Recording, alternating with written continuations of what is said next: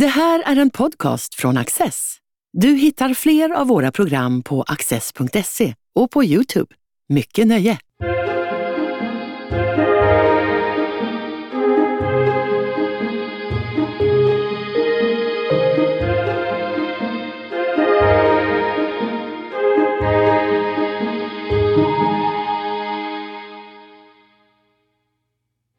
Nathalie Lantz är doktor i religionsvetenskap inom ämnet Hebreiska bibelns exegetik vid Uppsala universitet.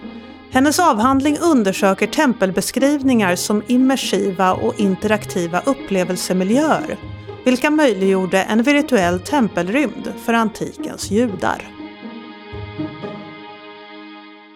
Nathalie Lantz, välkommen hit. Tack så mycket, roligt att vara här. Börja gärna med att eh, introducera ämnet, den hebreiska bibelns exegetik. Varför blev det just det? Jo, men med hebreiska bibelns exegetik så studerar man den hebreiska, alltså judiska eh, bibelkanons tillkomsthistoria och innehåll och även receptionshistoria, alltså hur människor har brukat de här texterna genom årtusendena. Och jag tycker det är så otroligt spännande just med hebreiskan och arameiskan och eh, hur man då genom att studera de här texterna kan, kan se hur människorna, hur de här myterna har följt med människorna genom eh, civilisationerna. Ja, det är nästan som såna där liksom, mytiska koder in till vår egen kultur och medvetande. Så det är ett väldigt spännande ämne tycker jag. Eh, din avhandling är en teoridriven närläsning av tre texter. Mm. Vilka är de här tre texterna? Ja, eh, jag studerar eh, några kapitel, alltså kapitel 40 och 48 i, i bibelboken Hesekiel, den här profeten och prästen som befann sig i exil i Babylon. Och till det så studerar jag också och jämför tempelrullen som är en del av de här manuskripten som man hittade vid Döda havet.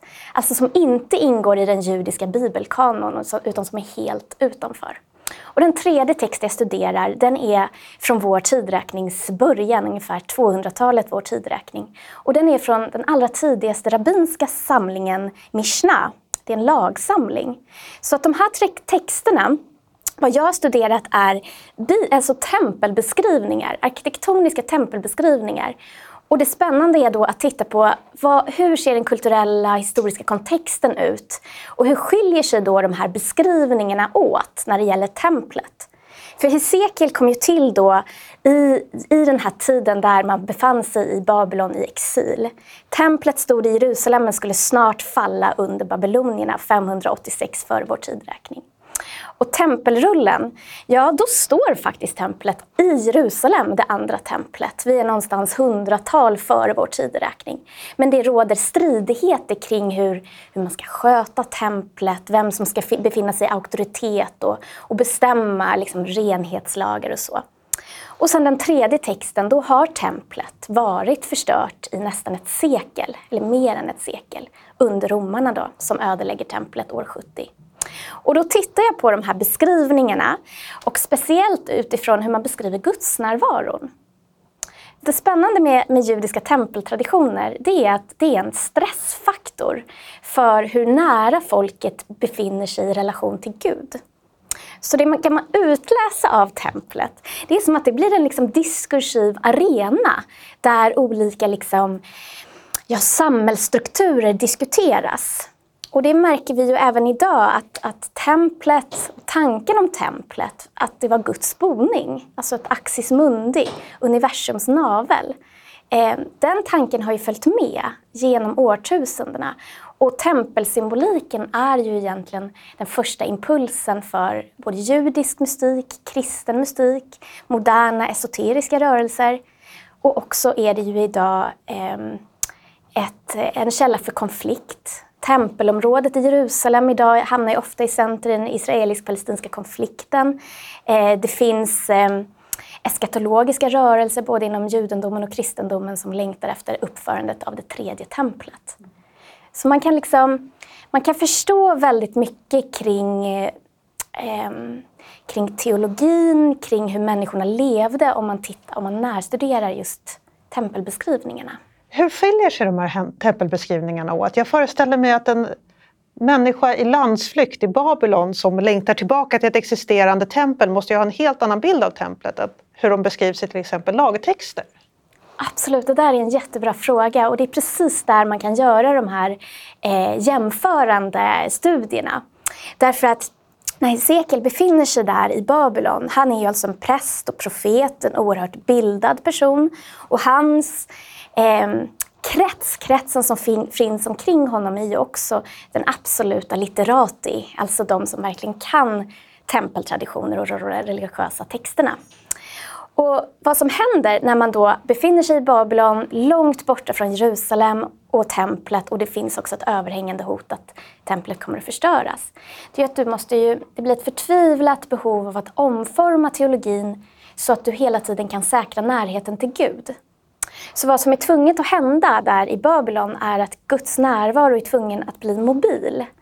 Men han måste alltså kunna transporteras från, från sitt säte, sitt tidigare säte i templet i Jerusalem och följa med sin församling där de befinner sig vid floderna i, i Babylon. Vad är ett hypertempel? Ja, eh, då har jag då eh, hittat på det här begreppet hypertempel. Min avhandling heter ju The Hypertemple in Mind. Experiencing Temple Space in Ezekiel, The Temple Scroll and Mishnah Midot. Och ofta när man studerar judisk historia så har man gjort det utifrån en väldigt tydlig kronologi. Alltså du har tittat på Ofta då, eller egentligen i majoritet, har du tittat på vad är det för katastrofer som har skett för det judiska folket och hur har de varit tvungna att agera utifrån de här katastroferna för att omforma sin teologi. Men vad jag försöker titta på istället är eh, liksom den judiska eller israelitiska och judeiska kreativiteten. Alltså oaktat katastrofer, hur har man velat eh, vara med i en, liksom, i en årtusenlång diskurs om templet? Vad är det liksom för kreativa krafter som har verkat? Och då tänker jag mig att, att hypertemplet, det är som en sorts ett sätt att se på litterära traditioner där man inte tittar på en urkälla. Alltså Hesekiel är den äldsta texten av de jag studerar. Men jag tittar inte på Hesekiel som eh, liksom den första impulsen som har genererat de andra. Utan jag tittar på en, en, en liksom diakronisk utveckling där diskussionen om templet hela tiden skapar byggstenar. Så att du återanvänder tempeltraditioner när du också skapar nya. Så att eh, den här italienska författaren Umberto Eco har skrivit i Rosens namn en underbar scen om hur eh, man går in i ett bibliotek och där finns ett, ett liksom sekelgammalt mummel, att, att manuskripten mumlar sinsemellan. Eh, det är som att liksom de, de, är, de är där oaktade sina skapare och det förs en liksom litterär dialog genom årtusendena. Och det är så jag ser på hypertemplet. Att står du i en tradition, en judisk tradition då, som har tempelsymbolik väldigt stark i liksom en, en central eh, ett, ett, central del av judendomen är just tempelsymbolik. Om du står i den levande traditionen, då kan du ta dig in i hypertemplet. Det vill säga, du kan, liksom, du kan använda olika typer av texter för att bygga ett tempel inom dig. Du uppför templet liksom i dig själv i relation med traditionen och det du kan. Och det är där templet uppstår. Men för att använda Umberto Ecos ord då, eh, för att, upp, för att kunna höra det här sekelgamla mumlet, behöver man stå på tempelplatsen? Eller finns det här i det judiska livet idag? Det är en jätte, jättebra fråga och det är precis det som, som de löste, som bland annat Hesekiel löste. Att Guds närvaro ska kunna bli portabel, ska kunna transporteras ut i diasporan utan att, att det blir en förlust av Guds närvaro. Eh, därför att templet var ju, alltså det var ju skådeplatsen för försoning. Både försoning mellan, mellan Gud och folket och mellan folket sinsemellan. Och det var ju offerriten som, som liksom var praxisen för försoningsverket. Och vad gör man då när man inte kan få försoning? Då måste man ju göra Guds närvaro mobil just därför att kunna få möjlighet till att, liksom, att upprätthålla den här eh, ritualiteten. Och, um, det är ganska anmärkningsvärt att en av um, citaten som står uh, i på, i guld på Stockholms stora synagoga som uppfördes 1870 här i centrala Stockholm, ganska nära där vi sitter. Eh, det är ett hebreiskt eh, citat där från Andra Mosebok. Asuli mikdash veshachanti betocham. Eh, och de ska göra mig en helgedom så att jag kan bo mitt ibland dem. Och det är inte en slump att en diaspora församling väljer att ha ett sånt citat på sin stora då, eh, helgedom eller, eller sin synagoga i, i Stockholm som är väldigt långt ifrån Jerusalem och väldigt långt ifrån liksom, de stora judiska eh, centra i världen. Så att just den tanken är väldigt bärande inom det judiska att gudsnärvaron ska kunna vara mobil. Så det är mobilt till skillnad från att Gud är överallt? Absolut, men det här är också väldigt spännande därför att det finns olika bibeltexter som har olika gudsuppfattningar. Och de här tre har just, jag har studerat de olika gudsuppfattningarna som finns. I Hesekiel till exempel så använder han ett gudsnamn som eh, heter kavod på hebreiska. Kavod betyder ungefär eh, vad ska man kalla Man har översatt det ofta till härlighet här på svenska, men, men kanske skulle man snarare prata om en närvaro. Men kavod i sig betyder också tyngd och rykte. Det är någon form av liksom entitet, någonting som bär en representation av ett väsen, en varelse, en människa eller en gud. Och den här kavod, den har en liksom ljus, eh, skinande uppenbarelse. Alltså Gud har nästan en antropomorf uppenbarelse. Du kan se Gud i Hesekiel. Och det är eld och det är liksom, det, det sprakar och det är den här liksom väldigt, väldigt tydliga eh, liksom, mm, naturkraften. Och eh, därför kan man säga att det finns en antropomorf, liksom en, en nästan människoliknande gudsbild i Hesekiel. Där Gud då antingen är i himlen eller på jorden. Så att istället för att vara överallt så finns det två, eh, två eh, centrum där Gud är knuten till och det är himlen eller på jorden. Och just i Hesekiel så, så kommer ju liksom gudskraften och drabbar honom där han sitter eh, på jorden. Medan då i Tempelrullen, som är ett senare verk, där eh, ser man väldigt tydligt en teologi som är knuten till eh, det deuteronomistiska tankesättet. Alltså det som finns bland annat i femte Mosebok. Det var nämligen så att under 600-talet, vår tideräkning, så skedde en hel del religiösa reformer. Vilket gjorde att man, för att säkra kungamakten, så knöt man centrum. Eh, det ska vara en gud och en stad eh, och ett liksom, kungadöme. Och det här var Jerusalem och hennes tempel. Det skulle vara det här navet. Den teologin, den deuteronomiska, den är oerhört eh, programmatisk när det gäller också, man får inte dyrka avgudar, det är en totalt, du får inte avbilda Gud. Det här att liksom beskriva Gud som någon sorts flammande sken är ju liksom rent av heretiskt, skulle vara i tempelrullen. Istället så använder de en term, istället för kavod, eh, termen shem, som betyder namn.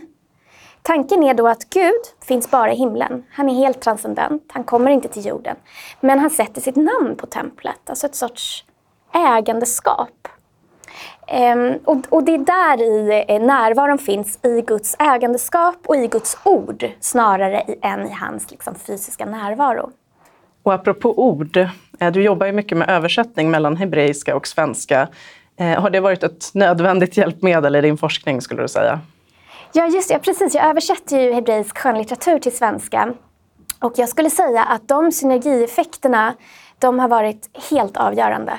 Alltså helt avgörande därför att jag menar, den moderna hebreiskan skiljer sig ju från, från de texterna jag arbetar med. så. Men, men det är just, tror jag, det associativa. Och just att bryta ner, det blir återigen det här hypertemplet. Att man bryter ner historien blir inte längre avskilda epoker som är liksom separerade i tid och rum. Utan det blir det här, eh, ett kontinuum som man studerar. Där språk är ju en, eh, liksom en bärare av den här, de här traditionerna. Var det rent av eh, genom översättningen du hittade in till forskningsämnet? Jag började nog väldigt tidigt med, med båda, båda två, tror jag. Därför att for, alltså, översättning är ju... Jag, jag brukar säga att det är lika delar eh, intuition, alltså skapande, flöde. Men precis lika mycket så är det ju eh, efterforskning, studier, research. Eh, och och det, det svåra är ju att balansera det här liksom ganska fria skapandet med, med forskningen som, som översättningen kräver. Men jag tror nu när du säger det att det där skulle faktiskt kunna vara en, eh, någonting som ledde mig in till den här tanken att liksom, texten uppstår, templet uppstår i mötet mellan människan, människans kunskaper och den här källan som beskriver templet eller beskriver berättelsen. Det är där det händer någonting, det är där någonting uppförs. Ja, apropå översättningar, jag tycker det är så spännande på, bara på vårt samtal nu. Så du har översatt två ord för oss, varav ett ord, kavod, krävde minst fem svenska ord för att du skulle kunna förklara vad det betydde. Vad, vad händer med översättningar av bibeltexter egentligen när de lever vidare över århundradena på det sättet? Och hur påverkar det din forskning att det inte längre är detsamma?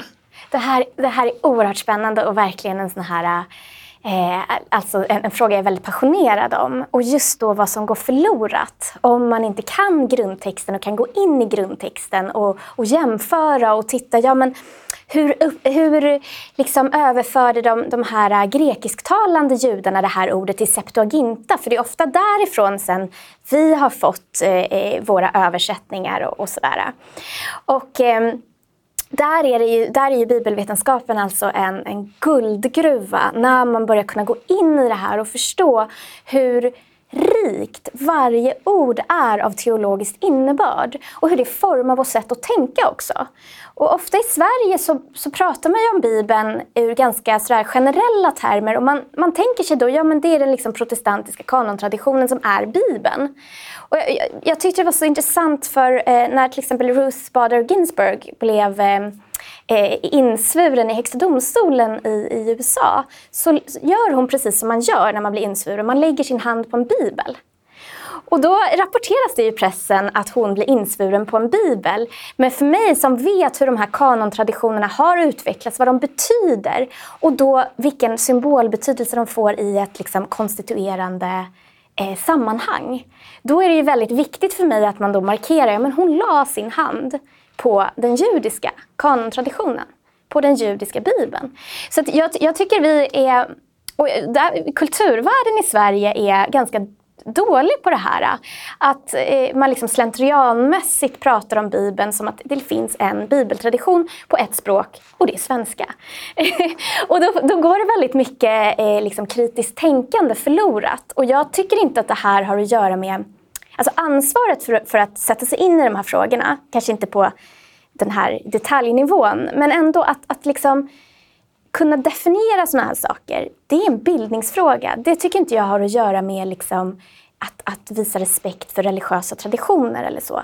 Utan det handlar om klassisk bildning helt enkelt. Respekt för att kanontraditioner är politik, teologi, är kulturella kontexter och färdas över väldigt lång tid. Så det vill jag slå ett slag för. Jag har sett dig säga att du hoppas att Döda havsrullarna ska bli en del av allmänbildningen i Sverige. Hänger det ihop med det här? Absolut, absolut, definitivt. För att Döda havsrullarna, det var ju de, när de hittades 1947, eller de, det första fyndet, Innan dess hade vi ju bara bibelhandskrifter från medeltiden. Så att hela forskningen liksom totalt kollapsade ju. Och nu har man ju verkligen ägnat de här decennierna åt att studera det här. Och det förbereds faktiskt två nya mm, bibelversioner. En vid Hebreiska universitetet i Israel och en vid Oxford University. Där man använder eh, de här texterna från Döda havet i mycket större utsträckning än tidigare. För du måste ju hela tiden titta då hur har hur har texterna kommit till? Vad är det som har valts bort? Vad har valts in? Ehm, det är oerhört intressant också politiskt. Så. För hur mycket ställde de här Döda havsrullarna på ända nu egentligen? Ja, alltså rent i, när det handlar om bibeltexter ställde de inte allt på ända. Men de, de ställde allt på ända när det hade att göra med vilka texter som till exempel studerades under antiken. Det finns ju judiska skrifter som helt har censurerats bort ur den judiska kanontraditionen och färdats via kyrkor. Alltså, bland annat har de liksom färdats via det etiopiska språket gez. Men nu fick man plötsligt se att ja, men de här texterna älskades och, och användes under den här tiden. Och vad säger det då om det judiska landskapet eh, vid århundradena före vår tideräkning. Och, så det är det, att man fick liksom se att eh, den judiska världen och det som sen kom att bli liksom den, den tidiga kristendomen och de Jesustroende, den var mycket mer komplex än kanske vad man tidigare trott. För, och nu fick vi texter som bevisade det. För att backa lite till upptäckten av Döda havsrullarna, då beskriver du dem som en kapplöpning mellan plundrare och arkeologer, diverse handlare, bulvaner och religiösa ledare. Så berätta lite mer om århundradets eh, akademiska skandal. ja, absolut. Nej, alltså det här är ju, upptäckten av Döda havsrullarna, det är ju som en actionfilm som inte ens Hollywood med miljonbudget eh, dollar skulle kunna liksom koka ihop därför att den är så speciell. Det är ju också en geopolitisk kris som utbryter för att det här är alltså, precis, fyndet görs ju dagarna innan det då nybildade FN röstar igenom en delning av brittiska Palestinamandatet. Så att, att ja, det är ju en enormt känslig politisk situation där de här rullarna hittas i. Och det blir också då spännande för att de hittas ju i brittiska Palestinamandatet i judeiska öknen.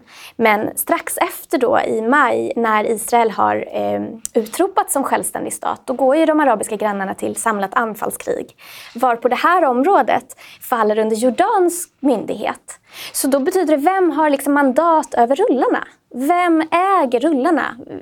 Och, och, och då så sker det också en eh, just den här akademiska skandalen. Att eh, det, det, sker ju ett, eh, vad ska man säga, en deal mellan jordanska myndigheter och en ja, katolsk skola skulle man kunna säga som heter Ecole Biblique som ligger i östra Jerusalem. Där ett internationellt forskarteam får då monopol över betydande fragment från Döda havet. Och inga judiska forskare får bjudas in i det här arbetet. Utan de låser eh, de här rullarna till sig och sin forskarmiljö. Och eh, gör också så att man ärver.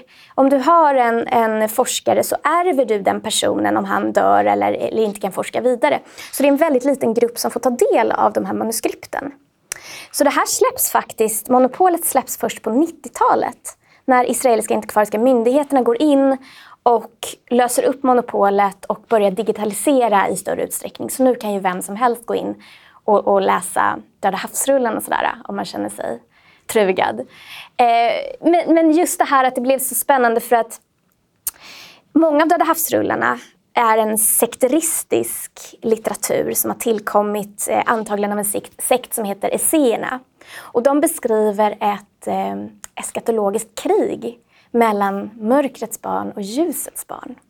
Därför att mörkrets barn är antagligen de som då hade mandat över templets skötsel. Medan, medan de här personerna, ljusets barn, då, de, nej, de hade hamnat eh, bortom kontroll över templet. Så de var ju frustrerade. Och då blir det också intressant att det blir en forskarmässig, det blir liksom en meta nivå på att rullarna handlar om den här typen av liksom teologiska stridigheter. Och det avspeglar sig också i forskningen. Men för att gå tillbaka till din forskning, för allt det här som du berättar nu och det vi har läst, det, det visar på att du har gjort ett jättearbete som kräver väldigt mycket förkunskaper. Du behöver kunna hebreiska, du behöver titta på originalkällor i den mån det finns. Eh, är det det som har varit det svåraste med din avhandling eller vad är det som har varit svårast? Nej, det svåraste har varit filosofiska arbetet tror jag. Ehm, eh, för källorna och så, jag är ju... Jag har ju studerat många år eh, och i Jerusalem och sådär. Eh, så det var inte det. Och, och, och, när man sysslar med den här typen av, av sekundär och primärlitteratur och så, då är man ganska bevandrad i landskapet. Jag kände en rabbin en gång som hade ett enormt bibliotek, så sa jag så här har du läst alla de här böckerna? Så sa han så här, nej, men om jag har en fråga vet jag exakt vilken bok jag ska gå till. Och det är lite så jag, jag också hanterar den här enorma bibliografin som jag har. Jag vet vad jag ska gå för att söka upp saker. Men det svåra var det eh, filosofiska bygget, för att jag har, jag har velat använda en teori från eh, ja, virtual reality när det handlar om att titta på de här texterna. Och eh, det kan ju tyckas lite märkligt att man ska kunna prata om liksom, eh, virtuell verklighet i antika litterära traditioner. Så att jag har liksom fått bygga lite en modell kring hur man kan göra ontolog ontologiska paralleller mellan virtuell verklighet och den här typen av tempelbeskrivningar. Och hur har du gått tillväga då? Ja, eh, då har jag läst in mig mycket på bland annat hur man kan titta på virtuell verklighet ur eh, eh, alltså narratologisk synvinkel och om man tittar på litteratur. Och eh, då eh, så, så, så, tänker jag mig att liksom litterära traditioner, litteratur, eh, när, man, när man går in i en, i en bok så kan man också åsidosätta den fysiska verkligheten för en kort stund därför att du blir så eh, fördjupad i den här berättelsen som, som spelar, spelas upp eh, liksom i dina händer eller i ditt sinne. Och just tempeltraditionerna de lämpar sig väldigt bra för den här typen av analyser. För att du står i en religiös tradition där du har så otroligt mycket förkunskaper om templet. Och sen kommer då en tradition, du kan ta den i tempelrullen till exempel, som återanvänder väldigt mycket av Hesekiel till exempel, men också andra tempeltraditioner som finns i det här området och liksom kulturella sfären. Och så adderar man nya byggmoment. Liksom. Man skapar nya tempel fast du använder de som redan finns ackumulerade i det här kulturmolnet. Um, och då, då, när du möter en sån tempeltradition, då sker ju den här, vad ska man säga, um, att, att du åsidosätter ditt tvivel för ett, ett litet tag. Därför att du ju, står ju redan i en tradition där templet är en realitet. Tempeltraditionerna är någonting du, du har liksom in, in, intrigerat med sedan, sedan barnsben. Eh, och helt plötsligt så blir du utsatt för en ny text som har en auktoritet. Och då blir det en sorts, du går i maskopi med den här tempeltraditionen.